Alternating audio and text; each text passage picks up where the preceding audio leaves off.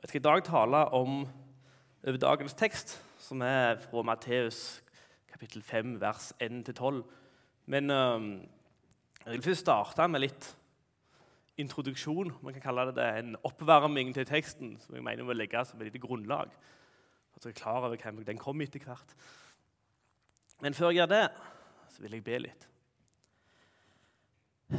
Takk, far, at vi kan komme her i lag i fellesskap og få tilbe deg og høre ditt ord og få av varme og få av nåde. Hjelp meg, far, nå til å forkynne ditt ord på en god og sunn måte og gjør oss mottagelige for det du har til oss i dag, far. Amen. I Galaterne 3, 27-28, så står det alle dere som er døpt til Kristus, har kledd dere i Kristus. Her er ikke jøde eller greker, her er ikke slave eller fri, her er ikke mann og kvinne, dere er alle én i Kristus Jesus.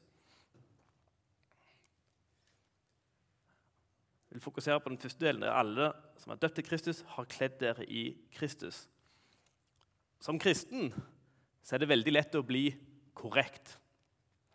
En uh, har den rette, korrekte forståelsen av Bibelen. En kler seg korrekt og oppfører seg korrekt og snakker korrekt. og gjør alle de korrekte ting.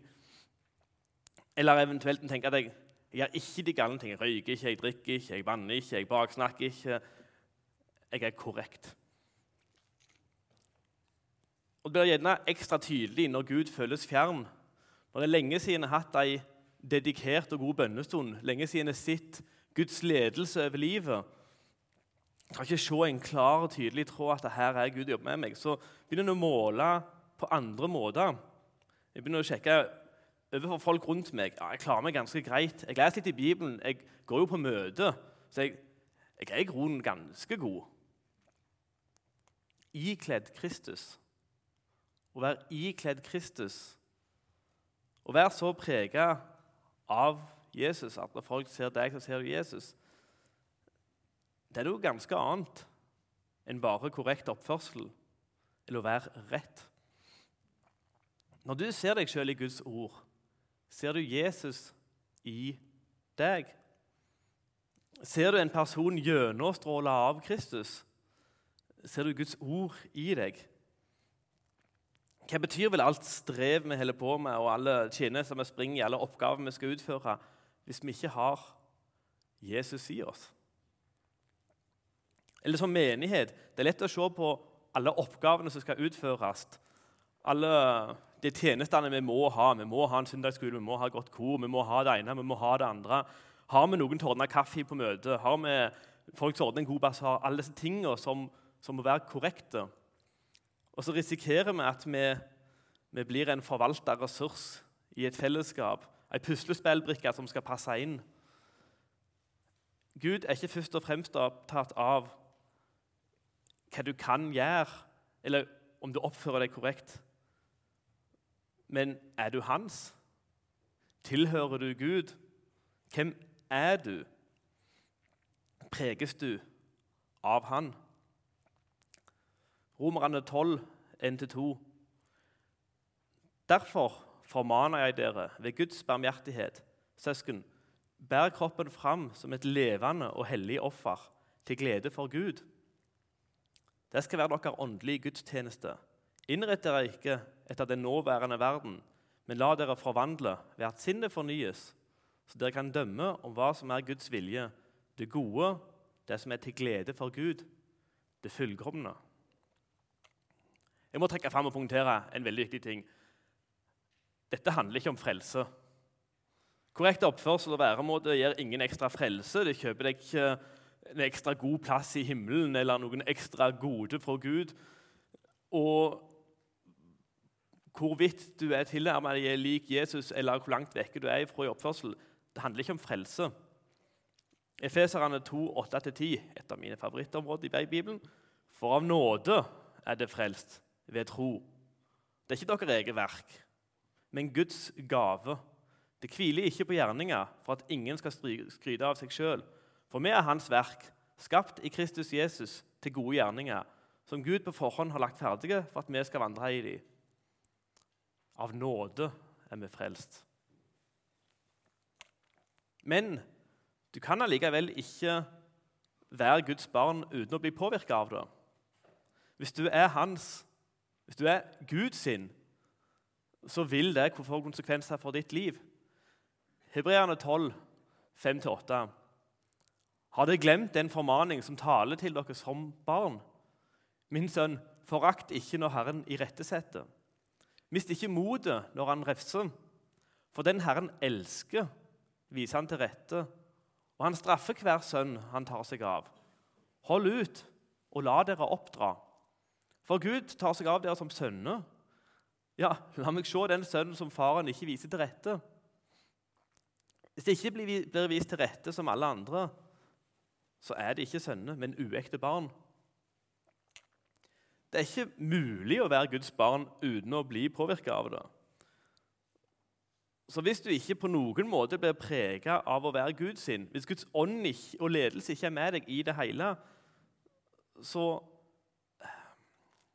2. Korinterbrev 13, vers 5.: Ransak dere selv om dere er i troen. Prøv dere selv. Eller merker de ikke at Kristus Jesus er i dere? Består dere kanskje ikke prøven? Jeg hadde aldri tort å si dette hvis det ikke var Bibelen sjøl som sa det. Men han gir klar og tydelig beskjed at vi må prøve oss sjøl. Kjenne har vi Gud i oss. Eller er det bare en kultur og fin oppførsel? Med det som grunnlag så kan vi ta fram Matteus 5, 1-12, denne søndagens tekst. Da Jesus så folkemengden, gikk han opp i fjellet. Der satte han seg, og disiplene samla seg om ham. Han tok til orde og lærte dem. Salige er de som er fattige i ånden, for himmelriket er deres. Salige er de som sørger, for de skal bli trøsta. Salige er de ydmyke, for de skal arve jorda. Salige er de som hungrer og tørster etter rettferdigheten, for de skal mettes. Salige er de barmhjertige, for de skal få barmhjertighet. Salige er de rene av hjerte, for de skal se Gud. Salige er de som skaper fred, skal kalles Guds barn. Og salige er de som blir forfulgt for rettferdighets skyld, for himmelriket er deres. Ja, salige er dere når dere blir, blir eh, Når det for min skyld håner og forfølger dere, lyger og snakker vondt om dere på alle vis. Gled og fryd dere, for stor er lønnen de har i himmelen. Slik forfulgte de også profetene før dere. Tanken slo meg. Salig betyr overmåte lykkelig, velsigna. Hvordan ville vi skrevet den? Lykkelig er den som har fått lånet nedbetalt, for han nyter god økonomisk frihet. Eller lykkelig er han som har en god jobb og trygg jobb med god lønn, for han har råd til hytta i Sirdalen. Eller lykkelig er han som har god familie med god harmoni og ikke krangler. Vi ser fort etter ytre omstendigheter for å finne lykke. Hva ting rundt oss skaper lykke i livet? Hva nå skal jeg skaffe meg for å bli litt lykkeligere? Hva ting her trenger jeg for å bli lykkelig? Alt dette som Bibelen sier, handler om vårt indre og vår karakter og vår person. Jeg har lyst til å gå gjennom hver enkel setning her. Hver setning er verdt en tale i seg sjøl. Dette blir å skrape overflata. Men jeg har lyst til å gå gjennom og si bare litt om hver, bare for å fange litt av essensen av hva som sies her. Salige er de som er fattige i ånden, for himmelriket er deres fattig i ånden. En som i seg sjøl, i sin egen ånd, ikke har noe å komme med. En som ikke har noe sjøl, som er totalt avhengig av Gud. En som må ha Guds ledelse for å ha noe å komme med framfor Gud. For min ånd er fattig. Jesaja 66, vers 1-2. Så sier Herren, himmelen er min trone, og jorda er min fotskammel. Hva slags hus kan det bygge for meg? Hvor er stedet der jeg kan hvile? Min hånd har lagd alt dette. Så, slik er det blitt til, sier Herren. Det er den hjelpeløse jeg vil se til, den som har en motløs ånd og skjelver for mitt ord. Og er det ikke litt fint? Jeg setter iallfall veldig stor pris for, på at det står 'salig er de som er fattige i ånden'. For at det stått 'salig er den som kan Bibelen utenat', profeterer daglig og helbreder alle syke, den som gjør alt rett, så hadde ikke jeg hatt mye å komme med. Det er ikke litt fint at det er bra å komme litt til kort og kjenne seg utrygg og usikker? Kjenne at jeg, jeg strekker ikke til. Dette klarer jeg ikke sjøl. For når du blir liten, så kan Gud bli stor. Da er det ikke lenger du som skal være god nok, men Gud som skal jobbe gjennom deg. En ting som fascinerer meg med Gud Når jeg leser gjennom Bibelen, gjennom alle de personene som Gud velger ut og bruker, som David eller som Moses eller som alle, Det er aldri de du tenker ville vært den rette for jobben. Jeg skal ha en til å lede mitt folk, min nasjon. Jeg tar en gjeter som er vant til å passe på sauer. Han tar ikke en store, mektige folk. Han bruker ikke perfekte mennesker. Han bruker de som vil gi han mest mulig ære.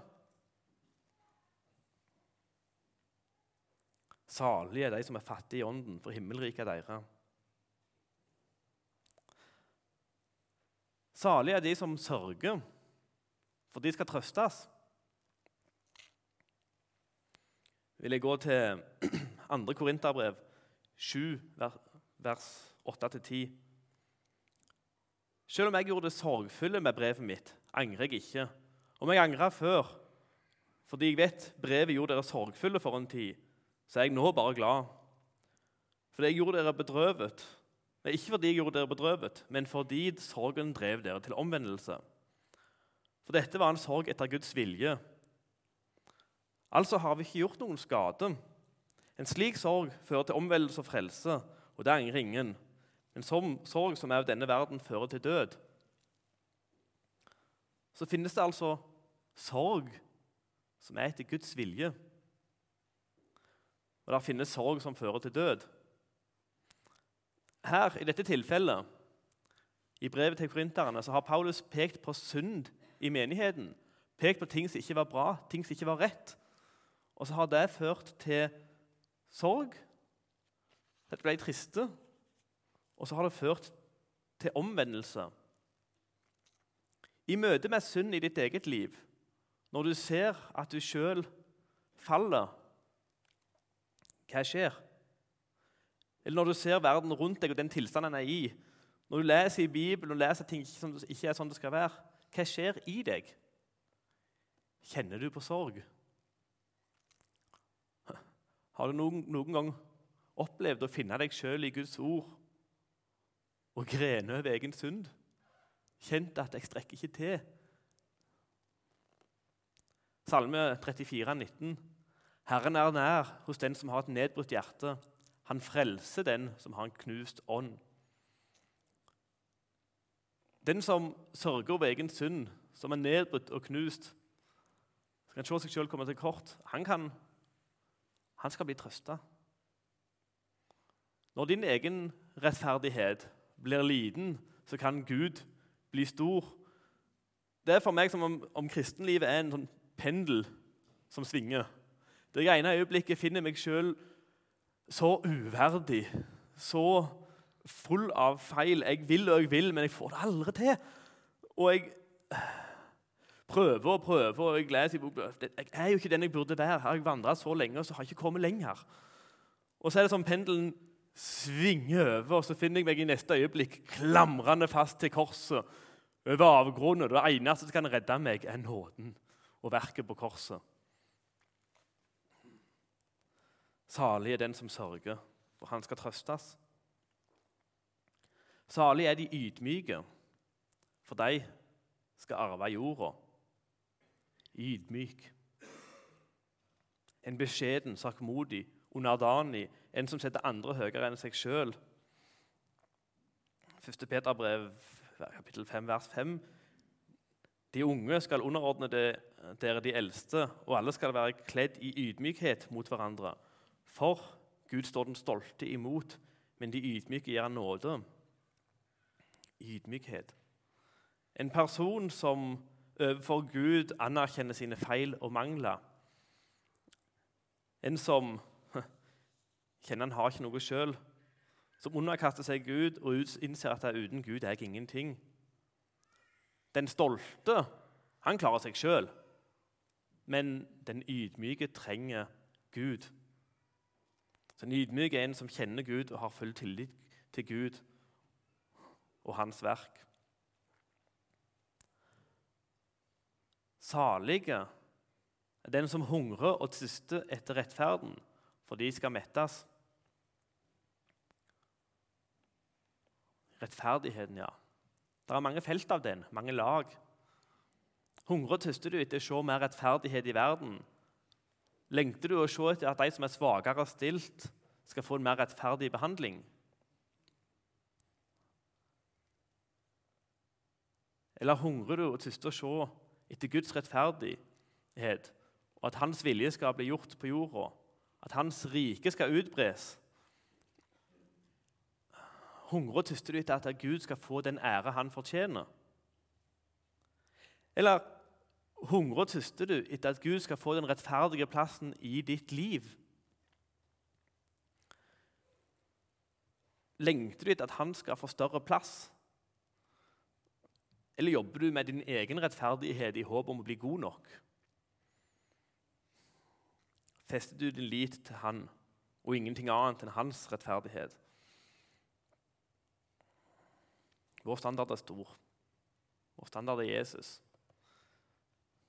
Men han, han, har, han har gjort det rettferdige verset på korset, så vi kan få, få av hans rettferdighet og ikke vår egen. Salige er de som hungrer og tyster etter rettferdigheten, for de skal mettes. Salige er de barmhjertige, for de skal få barmhjertighet. Salig er den som gjør godt mot de som ikke har fortjent det, for den vil Gud gjøre godt mot. Med all den barmhjertigheten Gud har vist overfor deg, er det da mulig å ikke gjøre godt mot andre, selv om de ikke har fortjent det. I Matteus kapittel 6, vers 14-15 står det for, om, for dersom dere tilgir menneskene de misgjerningene de har gjort, skal også deres himmelske Far tilgi dere. Men dersom dere ikke tilgir menneskene, skal heller ikke deres Far tilgi dere misgjerningene dere har gjort. Jeg har sagt noen ganger, Det er få ting som vitner så sterkt om Jesus som det å tilgi en person som absolutt ikke har fortjent det. Det å oppsøke en som har såra deg og gjort vondt, og ikke sette betingelser. Ikke forvente at han skal komme som en omvendende, angrende person, men bare tilgi han. Helt uforbeholdent. På samme måten som Jesus tilga deg.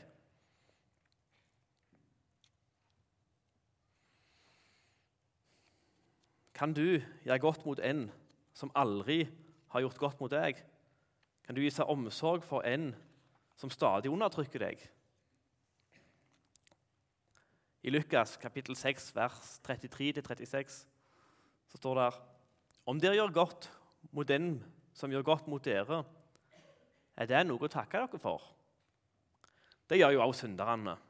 Men om det låner ut um, til dem det ikke venter å få noe igjen av Nei, sorry, Om det låner ut til dem som venter få noe igjen av, ja. er det noe å takke det for. Også synderne låner til syndere når de får noe igjen.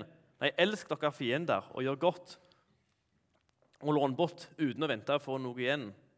Da skal lønnen deres bli stor, og dere skal være den høyestes barn. For han er god mot de utakknemlige og onde.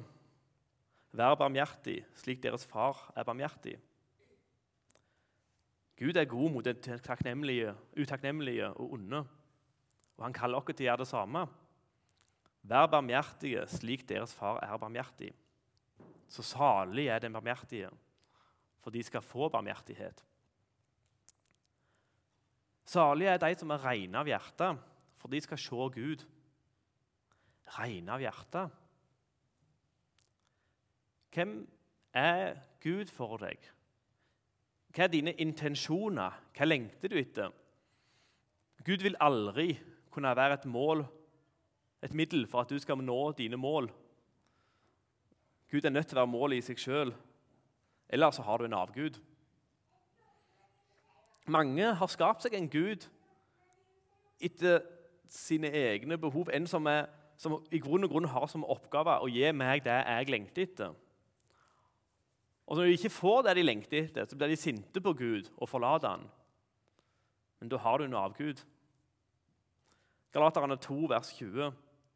Jeg lever ikke lenger sjøl, men Kristus lever i meg. Det livet jeg nå lever som menneske av kjøtt og blod, det lever jeg i tro på Guds sønn, som elsker meg og ga seg sjøl for meg. En fullt ut overgivelse. Og Når det ikke lenger er du som lever sjøl, men Kristus som lever i deg, så er ikke lenger den fremste motivasjonen å få dekket dine egne behov, men å se Guds verk og Hans vilje utført, både i dine, ditt liv, i ditt indre og i verden rundt deg. Så Salige er de som er rene av hjerte, for de skal se Gud. Salige er de som skaper fred, for de skal kalles Guds barn. Såre folk sårer andre. Helbrede folk, helbrede andre. Jeg hørte sagt. Det er nok mange nyanser til det, men det er, det er noe i den tanken. En person, Er du en person som skaper fred rundt deg? Hvis ikke er det fred i deg. Hvis det stormer inni deg, så er det vanskelig å ha ro på utsida. Har Gud fått lov til å jobbe helbredelse inni deg hvis det stormer i deg? I Johannes kapittel 14, vers 17, så sier Jesus.: Fred etterlater jeg dere. Min fred gir jeg dere. Ikke den fred som verden gir. Ikke la hjertet bli grepet av angst og motløshet. Guds fred er ikke en fred du får på grunn av omgivelsene, men på tross av omgivelsene. Guds fred Salig er de som skaper fred, for de skal kalles Guds barn.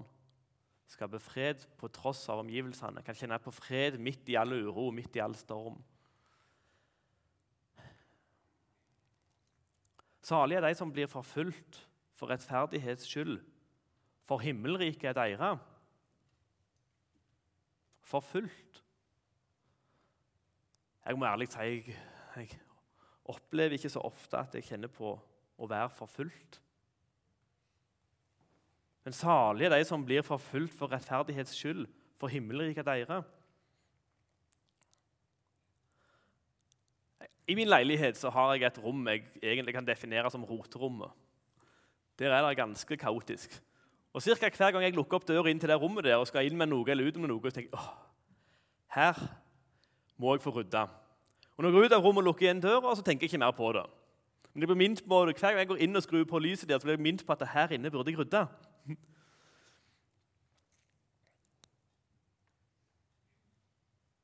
Mange folk har ganske mye rot i sitt liv.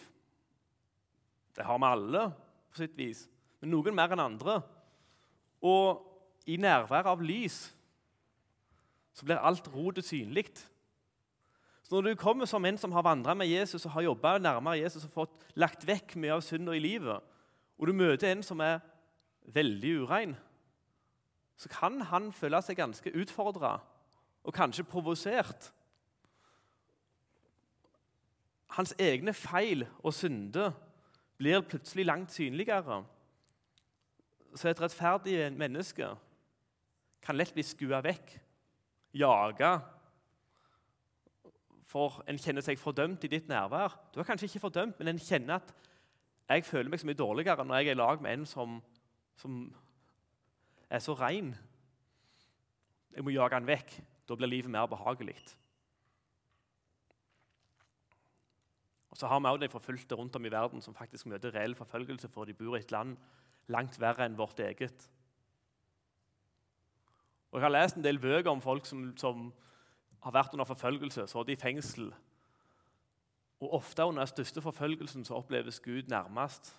Og En del av dem har kommet til Vesten etter hvert, klart å flykte, og beskriver at det er mye vanskeligere å kjenne Guds nærvær i Vesten, der det ikke møtes den grad av forfølgelse. Salig er de som blir forfulgt for rettferdighets skyld, for himmelriket er deres. Det blir en veldig, veldig overflatisk gjennomgang av en veldig, veldig djup tekst. Og Det er mange andre tolkninger til hver enkelt setning her, og mye mer som kunne vært lagt til. Hver setning er verdt en hel tale. Men når jeg leser denne saligprisningen, så leser jeg en beskrivelse av Jesus sin karakter. Salig er de fattige i ånden, for himmelriket er deres. Salige er de som sørger, for de skal trøstes. Salige er de ydmyke, for de skal arve jorda. Salig er den som hungrer og tyster etter rettferden, for de skal mettes. Salig er de barmhjertige, for de skal få barmhjertighet. Salig er de rene av hjerte, for de skal se Gud. Salige er den som skaper fred, for de skal kalles Guds barn. Og Salige er de som blir forfulgt for rettferdighets skyld, for himmelriket er deres. Ja, salig er dere når det blir, blir for min skyld håna og forfulgt. De lyver og snakker rundt om dere på alle vis. Gled og fryd dere for lønnen dere har i himmelen. Slik forfulgte de også profetene før dere. Salig.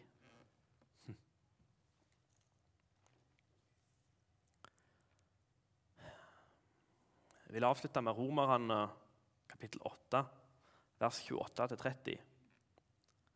Vi vet at alt tjener til det gode for den som elsker Gud.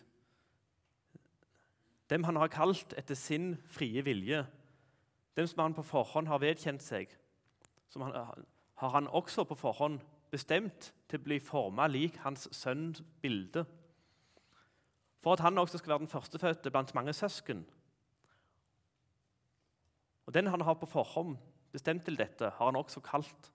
Og Dem han har kalt, har han også kjent rettferdige. Og dem han har kjent rettferdige, har han også herliggjort.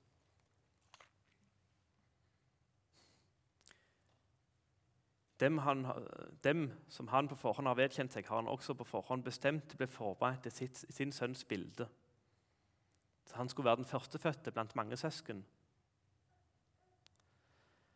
Det handler som sagt ikke om å jobbe på frelsen for å bli mer frelst enn naboen.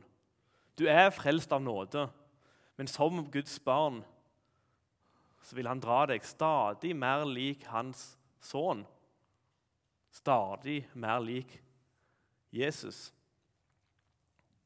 Så i ditt liv, i det som foregår i ditt liv her og nå, i de utfordringene du møter overfor venner, overfor folk du har en tvist med, en krangel med, kollegaer, familie På hvilken måte jobber Gud for å gjøre deg mer lik Hans sønn? Hvilke prosesser leder han deg gjennom for å jobbe mer ydmykhet, en større hunger etter rettferdighet. Gjør deg ren av hjerte, ren motivasjon.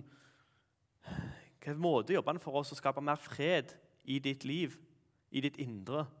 Hvilken måte jobber Jesus for å gjøre deg mer lik hans sønn? Eller som menighet er vi fokusert på at vi skal være et fellesskap som preges av Kristus' karakter. Er vi mest opptatt av å ha de rette oppgavene dekka og flest mulig medlemmer? Eller er det Kristus, Jesus alene, i vårt fellesskap?